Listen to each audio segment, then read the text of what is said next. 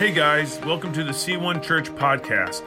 I pray that this message encourages you, builds your faith, and helps you go after Jesus. If you'd like more information about C1 Church, please go to our website at c1.church.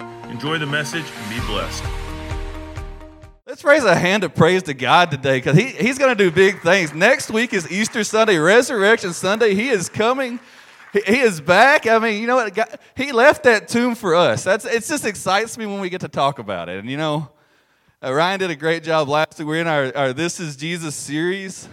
I'm very, very, very excited for uh, what God has in store for us today. And um, let's just see what happens. How, how, many of us have had an example of Jesus' love in our life uh, this past week? Yeah, that's good. Uh, let's go ahead and pray, give a hand clap of praise for that too, because He's doing things. Every day we wake up is a blessing. Every day we get to worship God on this earth is a blessing. Guys, thank, thank you so much for being here. Um, if you don't know me, um, uh, my name is Nathan Tosh. I'm one of the staff pastors here. I, um, I, some people here probably remember me this big, this big running around causing havoc, and never, never thought I'd have a microphone in my hand, and probably looked at it and said, "They need to keep him away from this guy. This guy is a nutcase. He is, he is wild, and I don't know what's going on. Um, you probably see me get a whooping a time or two. it is what it is. I got it. I got into my my own fair share of messes growing up, but you know what? God can use a broken vessel like me. He can use anybody else. So, and um, if you have any complaints, Ryan is sitting right there. He'll be back on stage next week, so you can do whatever you need to do to him then. But guys, thank you so much again for allowing me here. I'm going to start this off. This this me, the, my title of the well, I'm going to say the title of this message today is going to be Jesus is love.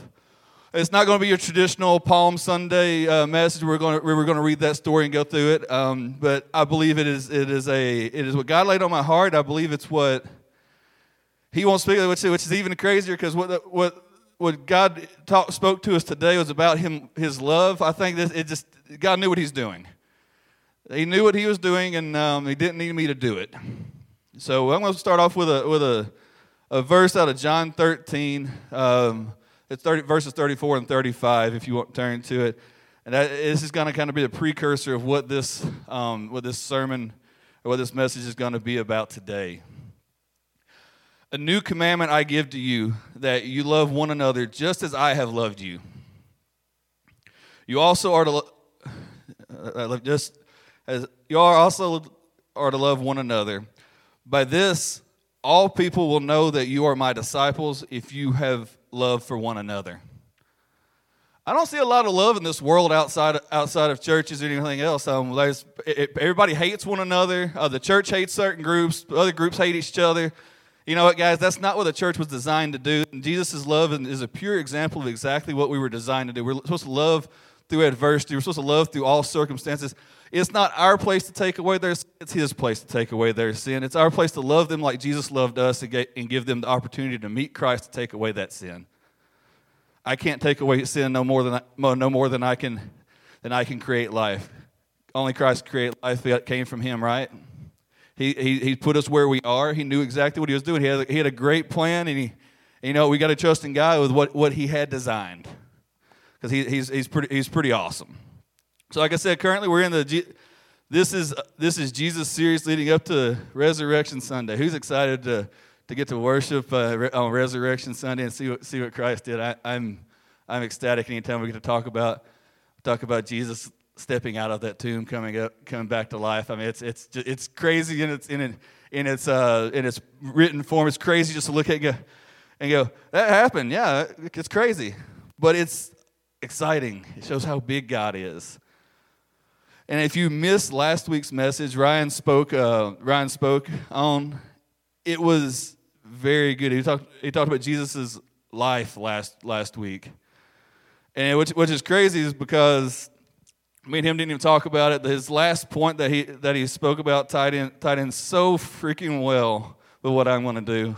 Yes, I said freaking from the stage. I'm sorry, guys, but um, ex youth pastor here, so it's all good, guys. We're, but um, what Ryan, Ryan talked about was being being willing to be inconvenienced by the Holy Spirit and allowing that to happen in our lives. You know, sometimes loving somebody isn't is inconvenient. It's inconvenient to love somebody. Um, all the time with their issues and everything else. You know, no, no, um, it, it, and it, the way it tied together is just encouraging. I mean, honestly, it's like we were thinking the same on the same wavelength, but you know, honestly, we know that's not the truth. Ryan's probably in Ryan's probably in the superhero comic, and I'm somewhere watching Star Wars. It's not it's not the same thing. We don't think the same, but you know what? It's all good. But his point, exactly word for word, was Jesus lived with a willingness to be inconvenienced because because he recognized how the Holy Spirit worked. I'm not going to repreach that point. I just wanted to I just wanted to point out what he, what he mentioned, because that will tie in almost directly into this message. Why? Is because, well, if, he, if we love Jesus, if we love like Jesus, that we are automatically attuned to the Holy Spirit's yearnings in our lives and, our, and, how, and how it's pushing. If we love Jesus and we love and, we, and we're willing to be inconvenienced, opportunities will present themselves for us to spread Jesus' love and it, it, it's not the meek, mild Jesus on the cross always love. It's, there's all kinds of Jesus loved, loved gave, gave examples of tough love. He gave examples of, of very kind love, very gentle love. He gave all kinds of different types of love. It wasn't the, the, the standard image that you see on TV with meek, mild Jesus on the cross looking like he's, like, like he's weak and not doing anything. Jesus was a warrior. He was, he was the lion of Judah. He loved hard. He loved gentle. He loved intentional. He loved every one, every one of those ways. And we each have that opportunity of, to, to do that as well, in that example. Today, like I said, we're going to talk about three, specific, three specific examples in three complete different sections of Scripture. They're, they're, yes, they're in, the, they're in the book of John, but they, there are three different stories, that, and we're going to look at three different types. Of, the, first, the first point we're going to look at is Jesus' love is gentle. We're going to start with gentle love. It'll be in John chapter 8 if, if you're wondering, uh, verses 1 through 11. I'll give you a second to turn to it if you're turning or finding it on your, on your phone, however, however you, you use it, guys. It's, you know, I, I love that we live in a day and age that I can have the Bible on my phone all the time because it's not always convenient to carry a book around. But I got a Bible on my phone that I can highlight Scripture, save Scripture, do whatever I want, I want with it. It's, it's absolutely awesome that we, that we have that access to information that that we ordinarily wouldn't have had. Like I said, John 8, 1 through 11, I'm going to start right here. But Jesus, and I, am reading out of the ESV, so you may not have, have, the same version I have, and that's okay. It's great to read in different ones. Just, just a side note, I am reading out the ESV. But Jesus went to the Mount of Olives early in the morning. He came to the temple. All, pe- all the people came to him, and he sat down and taught them. The scribes and the Pharisees brought a woman who had been caught in adultery. I just let that sink in. She was caught in adultery. Now in the law of Moses commanded now in the law of Moses commanded us to stone such women. So what do you say? They said. This they said to, to test him that they might have some, some charge to bring against him. Testing testing God is not a good idea. Is it? I think the, I don't think I know the Bible only says to test God in our giving I'm, I'm not going to test him otherwise. Granted, we always we always find a way to screw that one up some way or another. We, we've, tempt, we've tempted fate and tested God. We're lucky we haven't been struck down with lightning at some points in time in our lives. But they're doing this, and there's a whole lot of them doing this right here. So this they said to him, they might have so they might have some charge to bring against him. Jesus bent down and wrote with his finger on the, on the ground.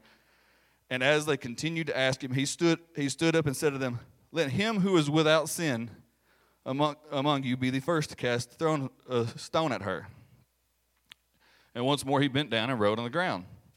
But then when they heard it, they went away one by one, beginning with the older ones. And Jesus was left alone with the woman standing before him. Jesus stood up and said to her, Woman, where are they? Has no one condemned you?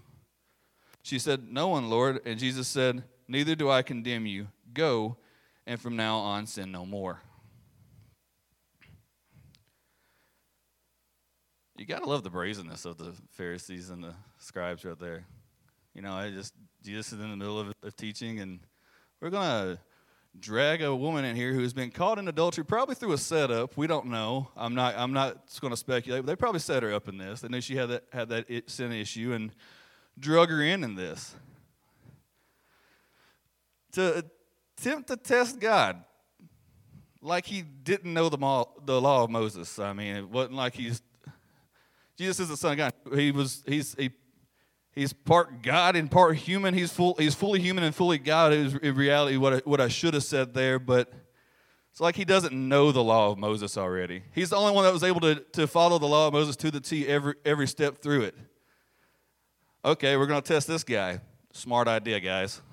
Um, for one, we when we test God, we might not like the response that, that we get, but whether, whether we like it or not, the response that we will get out of it is a, is a response out of love and a response out of His righteousness. Um, the woman in question here, like I said, like we said, read here, was caught in the act of adultery. Yeah, you didn't say it. Um, we, we know we're not going to dive into details on that. She was caught in the act, so she was caught in the middle of her sin at the wor- at the absolute worst time. But Jesus' love for her shows in this gentle approach he took. He didn't say a word. Wrote down, say right. Wrote down, just of write a little bit. People, people paying it, paying attention. Nobody really. We don't know what Jesus exactly. But there's some. There's some scholars believe that he wrote down the people's names that were in the crowd with, along with their sins. It may be true. For the, I, I tend to kind, I tend to kind of lean that way, but I don't know. I wasn't there but whatever he wrote down had was was impactful enough that they started leaving. He could Jesus could have could have could have slammed this woman for her sin because she was in the wrong. She was sinning, but he could have slammed her. No, he simply wrote down, showed grace, showed some mercy on her. Wrote down, uh, wrote down and wrote, wrote what he wrote. He didn't ridicule. He didn't condemn her as the religious leaders were trying to do. Instead, Instead, he simply, in the way that was the most receptive to her, taught, spoke to her by writing down, didn't condemn her. Jesus didn't ignore her sin, or even theirs, as a matter of fact, because if, if he was writing their sins down, he, he very blatantly pointed out what each and every one of them did. So for a minute, we're just going to we're gonna assume that that's what he did right. Those their sins if he did, everybody in the crowd now knows what each of them was doing that they should have been doing, what they were covering up. He pointed it out. If, he, if it wasn't his sins that he was writing down, he still wrote down something that made them leave.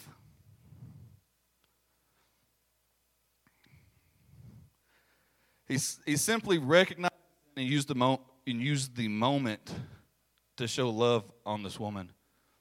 We don't know whether she went she went off and spoke and spoke to many multitudes of people and people come to be saved. It's kind of this is kind of what, what we know of, the, of her in this in this section.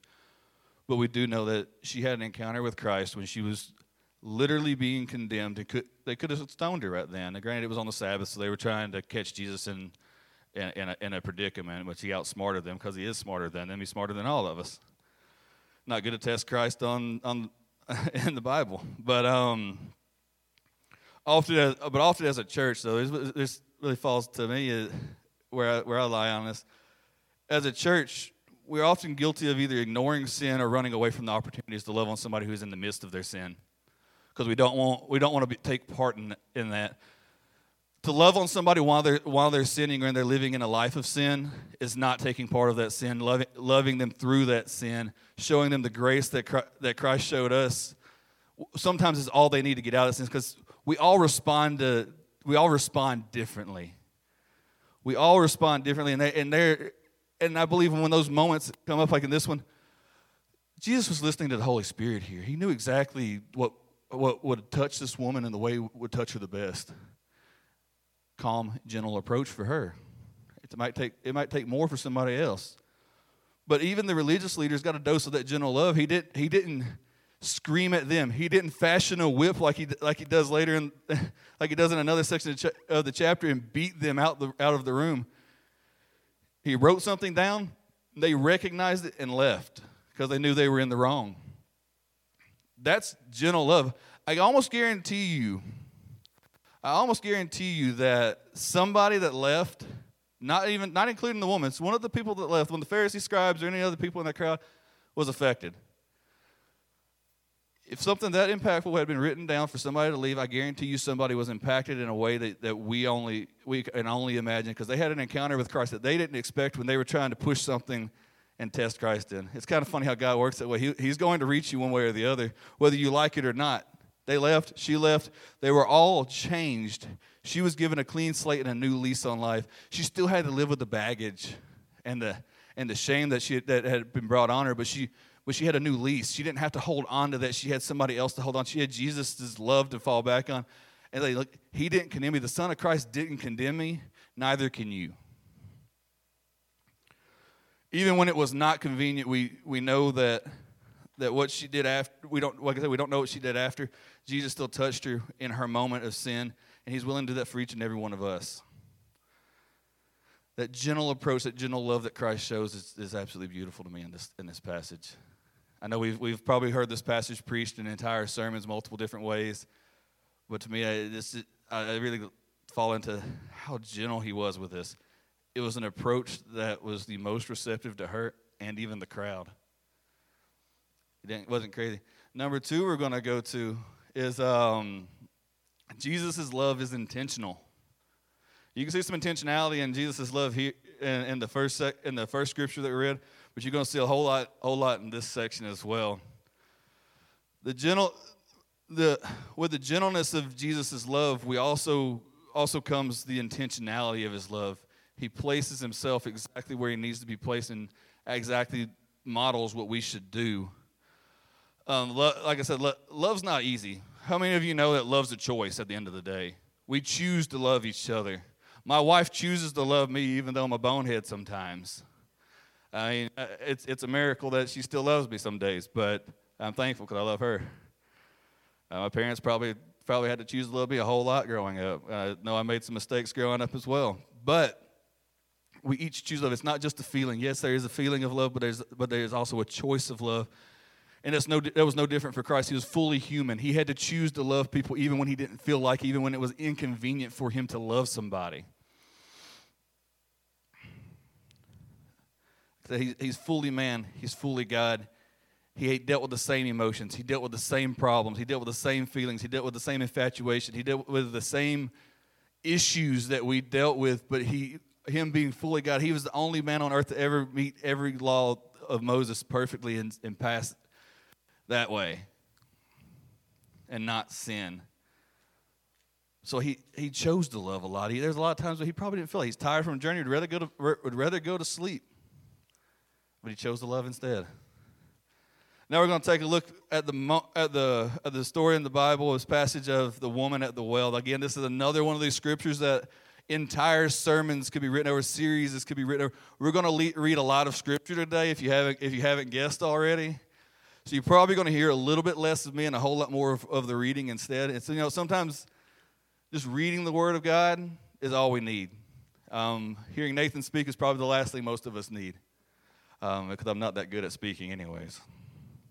But this is what we're going to do. We're going to read a lot of Scripture today. We're going to read John 4 5 through 30. So I'll give you a chance to turn to that as well. This is all the, this will be the, pretty much the entirety of the, of the story of the woman at the well that we were going to read.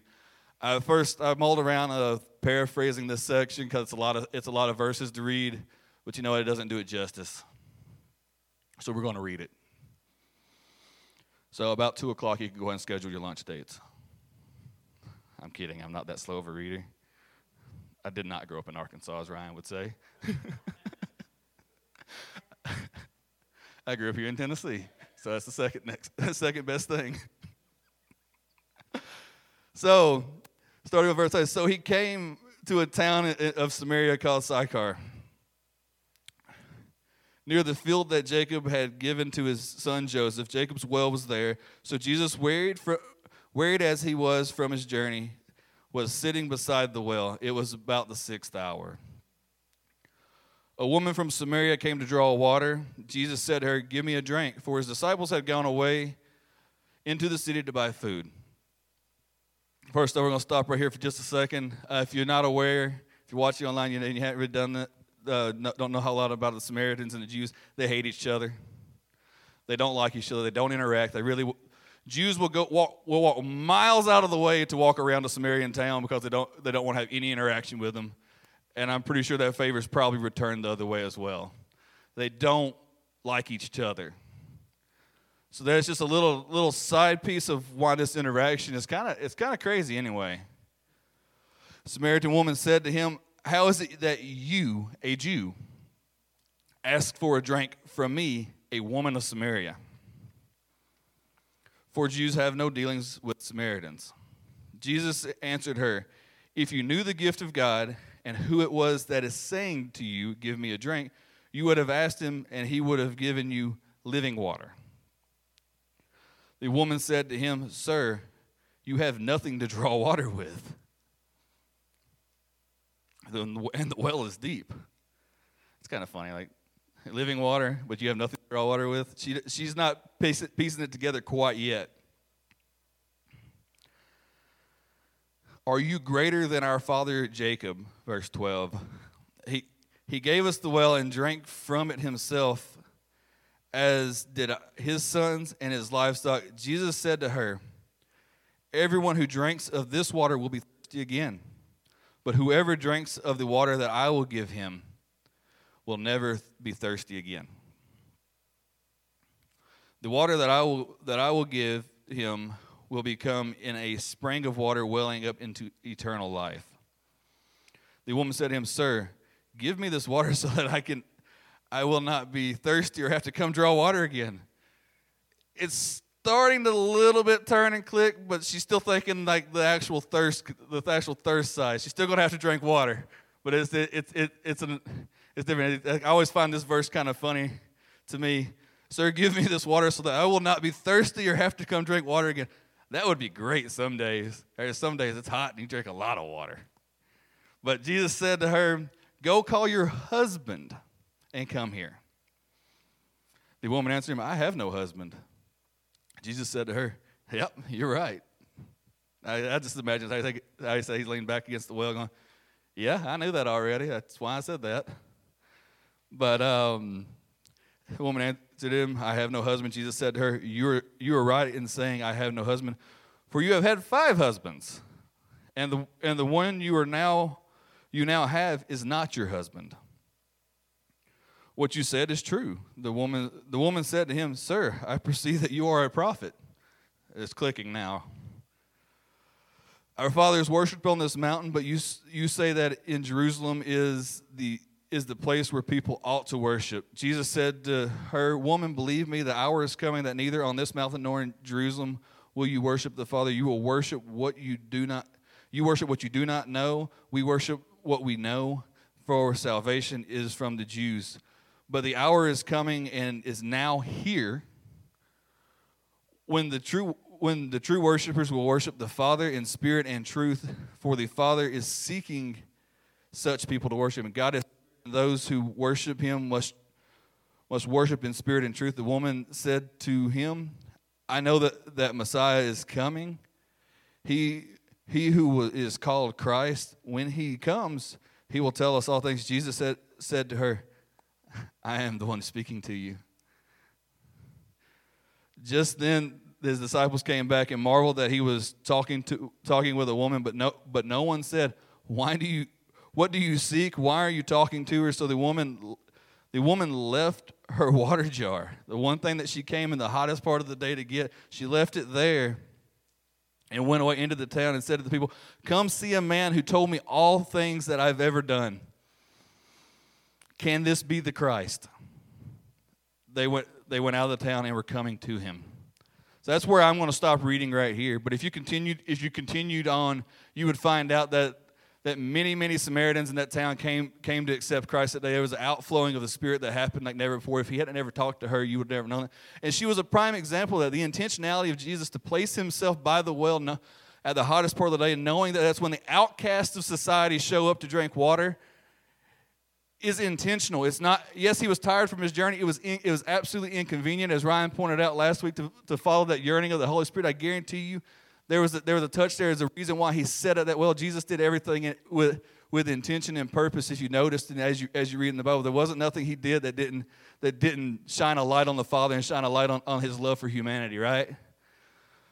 So. It, so him intentionally placing himself in, in his in his in her path was big. He and then he intentionally asked her the question, bring your husband. He knew the answer to that already. It wasn't a shock to him that she, that she said, uh, that she said, I have no husband. Well, you're right. I've, I've had five. I'm on number six, and we're not even married yet. Um, Jesus didn't do that to chastise her. He didn't chastise her in this section if you read it. But if we if we noticed, Jesus with Jesus' love, sin has sin has a funny way of showing itself. It can't stand in Jesus' love's presence.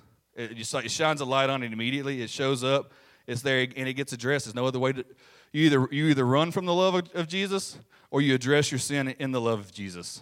That's the only two options you have, and and he and, he, and he's there for it. This too is also inconvenient for us, especially when we place our, ourselves in our families' lives, our friends' lives, or even strangers' lives that we know that we know are, de- are dealing with afflictions. It's it's awkward. I understand that. I'm I, I understand that. Well, we all have family members and friends and people that we know that are afflicted with different issues, different sin issues in their lives that and I'm not saying that by get, getting in their path and beat them over the head with the Bible, that's not always the answer. I mean, sometimes we need to be beat, but I mean, it's not, it's not the answer. But being there for that person, being there in, in, their, in their path to love them when, they when they feel like they can't be loved anymore, love them in the midst of that sin, intentionally speaking to them when we really don't want to speak to that person that changes and affects affects their relationship with Christ because they're seeing somebody who is taking time out of their day to talk to them when nobody else will. Like I said, she this woman right here, she is an outcast of society. She she's she's there because of her sin. She's there at the hottest part of the day because she's not welcome when it's cool out. She's not welcome when other people are there. She's not welcome I find that so interesting that how Jesus uses people who aren't welcome to show to show His love to the rest of that community. Rather, He lo- he show, He affected her in such a way that people that know her sin, she's there because people know exactly what she did. She, they know her life, they know her lifestyle. That's why she's there. They know it. She's not welcome. It's pro- there's probably been a whole lot of conversations and comments made to this woman over the years. So I'm going to say this, and I don't don't want don't you take. Let me finish what. Let me finish it before you form an opinion, because it because it can it can uh it it can raise some opinions. I think, but I I fully believe this, and I stand and I and I'll stand behind this. The church and the people of the church should be the most accepting place on the earth. I'm going to say it again. We should be the most accepting place on the earth. Remember, acceptance is not condonement. You don't have to condone their sin. But people that have sin issues, uh, we, we, we can say we want, we want the drug addicts. We can say we want the drunkards. We can say we want the homosexuals. We can say we want this. We can say we want the sinners until they show up. How many people, how many people don't want to sit next to that person in church? Accept is not condone it, but accept, accepting them in as they, as they are changes their lives. I'm not saying I'm not I'm not saying it's our job to change them. Our job is to love them as Jesus loved them. Our job is to, to accept them in, into our lives, accept them in, into the church. Where I'm not saying drop your guards. You obviously have to have guard, your safeguards up. You have to have you have to stand on your scriptures when you do when you're around people with sin issues like that. But the thing is, as a church, we're supposed to love these people. We're supposed to place ourselves in their lives. We're supposed to be the church. And you know, it's not our job to wash them of their sin. It's Jesus' job. He'll take care of them. He'll change them. Uh, it's our job to, introdu- to make the introduction. Our job, it's our mission field, is to make that introduction. Just like in this passage, Jesus accepted the Samaritan woman as she was at the well. He didn't condone her sins. He pointed her sins out simply. That's all he did. He didn't even tell her, Your sins are washed. Go, go, my faithful servant, come back, blah, blah, blah. He didn't do none of that, right? He recognized her sins. She admit she she ch- changed because of the love encounter. He instead was honest with her in a way that was the most receptive to her. He can you imagine? She's just there to draw water, and the man said, and the man said, "Hey, give me some water. Bring and bring your husband." Then you got to answer that question in front of him. But that was what was receptive for her. Jesus listened to the inkling of the Holy Spirit. I, I want to I want to step out on a limb and say this. I'm pretty sure he was working with the Holy Spirit there because he knew exactly how, how to touch her. And that's it. And that's one of the things the Holy Spirit's placed in our lives for. He, he will, if we're attuned with the Holy Spirit and we're, and we're, we're, we're walking in step with Christ, we'll know how to handle these situations. The Holy Spirit will touch us and we'll, we'll be able to handle it. And we should, we should honestly be like this as well honest, not brutal, loving, not harsh. People often, for the sake of honesty, like, like to be brutal in their approach to people and, and, and throw things, throw accusations and stuff. That's not how it should be. Jesus wasn't that way. He, did, he, didn't, he didn't say it out of meanness. He said it out of a loving place. There's a difference of being, of being brutally honest than being brutal for the sake of being brutal. There's, there's a difference in meanness versus kindness. And Jesus uses his intention, his intentionality of, of his approach to show us that, like, like right here, he intentionally placed himself at the well at the hottest part of the day, intentionally asked the question to, for her to bring her husband, knowing the answer the entire time. He intentionally did. There are things in our lives that are, that are happening that, if, if we step back and think about it, it's probably Jesus putting, in, in, putting something in our life intentionally to stop us for a second to make us think. What could that be? I don't know. I don't know what it looks like for you. I know what it looks like in my life, but it's different for each and every one of us. So we're, going to look at the third, the third way Jesus, lo- Jesus loves. And there's, pro- and there's probably hundreds and hundreds of ways we could point out. These are just three that I wanted to highlight today. Number three, Jesus' love is tough love. So we already got gentle love, intentional love, and now we're going to go tough love. So we're going to read out of John 2, verse, verses 13 through 16. Kind of made a slight reference to it earlier. Ryan probably picked up on that one, but um, I'm going to read here, start, starting with verse 13. The Passover, the Passover of the Jews was at hand. Jesus went up to Jerusalem, and in the temple he found those who were selling oxen and sheep and pigeons and, the and money changers sitting there. And making a whip of cords, he drove them out of the temple. Does this sound gentle? No. I, I, don't, I don't think Jesus was, was, was slightly going, hey, get out. Hey, get out. No, he was driving them, get out of my father's house. Get out. That's what he was doing. He wasn't, he wasn't calm on that, on that one, but it was what was receptive to these people. So he fashioned, fashioned a whip of cords and drove them out of the temple along with the sheep and oxen. He poured, he poured out the coins of the money changers and overturned their tables. He then, and he told those who, who sold the pigeons, Take these things away and do not make my father's house a house of trade. That's tough love right there. Imagine getting hit by a whip that the guy just sat in the corner and fashioned. I'm to say that hurt. I've been hit with a belt a time or two in my life, but uh, that's not I don't want to be hit by the whip. Those things crack the sound barrier. You know what I'm talking about. Get a bull whip out. That'll hurt. That'll hurt a man right there. And I, and I guarantee you too, he didn't just like the whip. He did. He wasn't gently pushing people out with a whip in his hand. He didn't gently pour the coins out on the floor. He didn't gently flip, roll the table over. He was kicking tables over. He was he was kicking, kicking the money, the money pans off, off of the tables. He was driving these people out because, because their sin was an affront to the, whole, to, to the house of Christ. And sometimes that kind, that kind of love is needed. And it, you, people are going to look at that section of the scripture along and go, he was kind of mean there. No, he was loving there. That was love. You don't do things like that. You don't, you, well, some people do. He didn't. You shouldn't do things like that out of meanness. That's, that comes out of love. He cared about his people that were in, that were in the temple, that were the money changers, that were conducting trade and business in, in a in a place that, that has no that has no business doing that. It's supposed to be there as a holy place to worship Christ in and worship God. And it made him angry, but he, but it, out of out of his anger, it was also his love his, for these for these people. Without that kind of impactful moment in their lives, these people might might have never known. It's like, okay, I guess it's all right. We'll go to the next church and sell and sell stuff.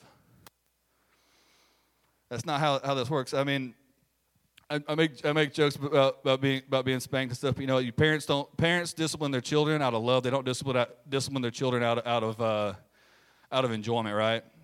How many how many parents in this room have, have children, have disciplined their children, and, and had to go sit, sit alone afterwards because it, cause it, it hurt them to do it, and they didn't want and they didn't want their kids to see that they were hurt because of it. But the thing is, we, we never know as children how much it, it affects our parents to do that. But the parents do that out of love for us, so we grow up to so we grow up to be law abiding and and law abiding and good human beings and that and, our, and and operate within our raising, right? There's nothing wrong with discipline. This is discipline in, in Jesus' way too. I know we live in a day and age where where if you spank your child, somebody wants to report you to DCS. You know what I mean? I don't fall necessarily on that, but they would have reported to, they would have reported Jesus right here. He whipped them. He hurt some people probably. I guarantee you, he hurt some people going out going out of there. People left changed that day. People left changed. In this passage, also in, in Mark 11, 15, I'm not going to read this, but Mark 11, 15 through 17, Jesus also turns tables in the temple as well. In both situations, he turned, table, turned the temple upside down and inside out, driving the merchants out who were, merchants out who were defiling God's house. Heck, even in, even in John, this, like I said in John here, he fashioned a whip to drive them out. I, I know I know, I know, again, like I said, that, that he, he affected some people's lives that day. It had to affect your life when you got run out of a temple in that manner. But it got their attention. It was the way that they were going to be the most receptive, and he was going to have their attention. He was going to hold their attention that way. That day they'll have remembered the rest of their life, I guarantee you. Even, even as a Christian, when we follow, when we follow the, the promptings of the Holy Spirit, we are often called to turn tables, not necessarily physically, but to be a counter to be counterculture to what to what we live in as society. The church is counter to the culture of society. Who, how many of you guys know that, right? The things that the, th- the things that we believe in that by believing in Jesus, we are automatically counter counterculture to the world. The world does not the world in, in, it in its in its bare bones without Christ is sinful as it is, and it's it's it's complete different and complete counter to Jesus Christ and Jesus Christ's love. That's why we're counterculture. I'm not saying we need we need to be out front on the steps and every and be the opposite of everything the world says, right? Sometimes sometimes that's not that's not what needs to be done. But we are a counterculture in our in our nature because we love like Jesus when the, when society would say that person no longer deserves to be here. That person needs needs to be outcast. They don't deserve Christ's love. That person doesn't deserve this. They did this. Do, do you know what they did? Jesus has a long history of saving murderers, murderers, sinners, adulterers, drug addicts, alcoholics, you name it. He's did it. He saved it, and he will, and he's going to do it again. That that wasn't just for the Old Testament. It wasn't just for the Bible then. That's for today as well. His love is for every, each and every one of us today. Each and every one of us watching online today. Each and every member of our community who's not in church. Jesus' love is for is for him. The common theme in all three of these passages is Jesus' love and how sin always showed its face in Jesus' love. The, the woman thrown in front of Jesus in the act of adultery. Jesus went to the temple to, talk, to speak to the religious leaders, or didn't go to speak to, he went to the temple to worship and to speak with his people and to teach. He was in the middle of teaching. They drag, they drag a woman in that had been caught in the act of adultery. That, uh, that, that that sin was thrown out there in the way. Everybody knew her sin that day. The second one, the woman at the well, he intentionally placed himself there, and if you will, um, he intentionally placed himself there and asked her to bring her husband, knowing that the whole time that she was living in sin, the sin come out naturally. It wasn't. It wasn't a forced issue. It came out. The temple merchants li- living in greed and preying on the temple goers that were there, they were coming to worship their sin was out in front of everybody, but when Jesus was there, it was it showed up to teach and worship and, lo- and love on his people. It was there in his face, and he drove it out in love. But no matter how much we try to hide our sins, it doesn't matter. It's going they, they, they show up. Some people are really good at hiding their sin. We've all we, we've all done it, and we, we're not immune to it. But when we operate out of Jesus' love, our sin and others have a funny way of showing themselves. So, guys, I, I, I want to ask you to rise and let Andy and, and the team Uh, in the teams, team worship guys, this is we have a very very we're blessed to have uh, an anointed an anointed worship team, guys. We really are. Um, I thank God for, for the people that He's placed here to, for us to worship with. But as as Andy as Andy leads, I'd like to ask I'd like to ask us to think about it and reflect how is sin affecting our lives? How, how are we being afflicted by sin? What is um, what's standing in your way? No matter how big or small, how seasoned, how seasoned of a Christian or new of a Christian, we're all affected by it one way or another. We live in a, we live in a sinful world. It's, it's as simple as that. You know, and I, I would like to invite you uh, during during this during this time of worship to to pray about it. Use your chairs as your altars if you need to. Come to the front. Use the steps. Ryan, myself, and uh, and Amy, if she, if she wants to, she can be up front. Uh, we, we, are here to pray with you guys if you want. If you want, to. if you haven't accepted Christ, this is a great, this is a great opportunity. If you want to rededicate yourself to Christ, this is a great opportunity. Uh, and as we move forward, I mean, we're still just because we lay down we lay down our sins doesn't make it easier every day. We get better the more we, the more we spend time with Christ, the more we pray and spend time with the Lord and, and, and with the Holy Spirit, the easier it gets to, to deny ourselves.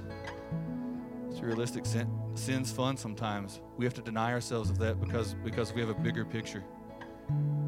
Christ's love is more fun than that momentary than that momentary thing. So I, again, I'm, I want to ask as as they lead, pray, pray in your seats, pray in the front, pray for people that you know that are affected and afflicted with sin in their lives, they're living sinful lives. Pray for them. You don't know when they might that, that prayer they might have an inkling after that, and that something might change, something that you can, can change in a, in a moment. Pray. Let's share God's love today, and let's pray some more. So we're going to be up front if you if you need prayer.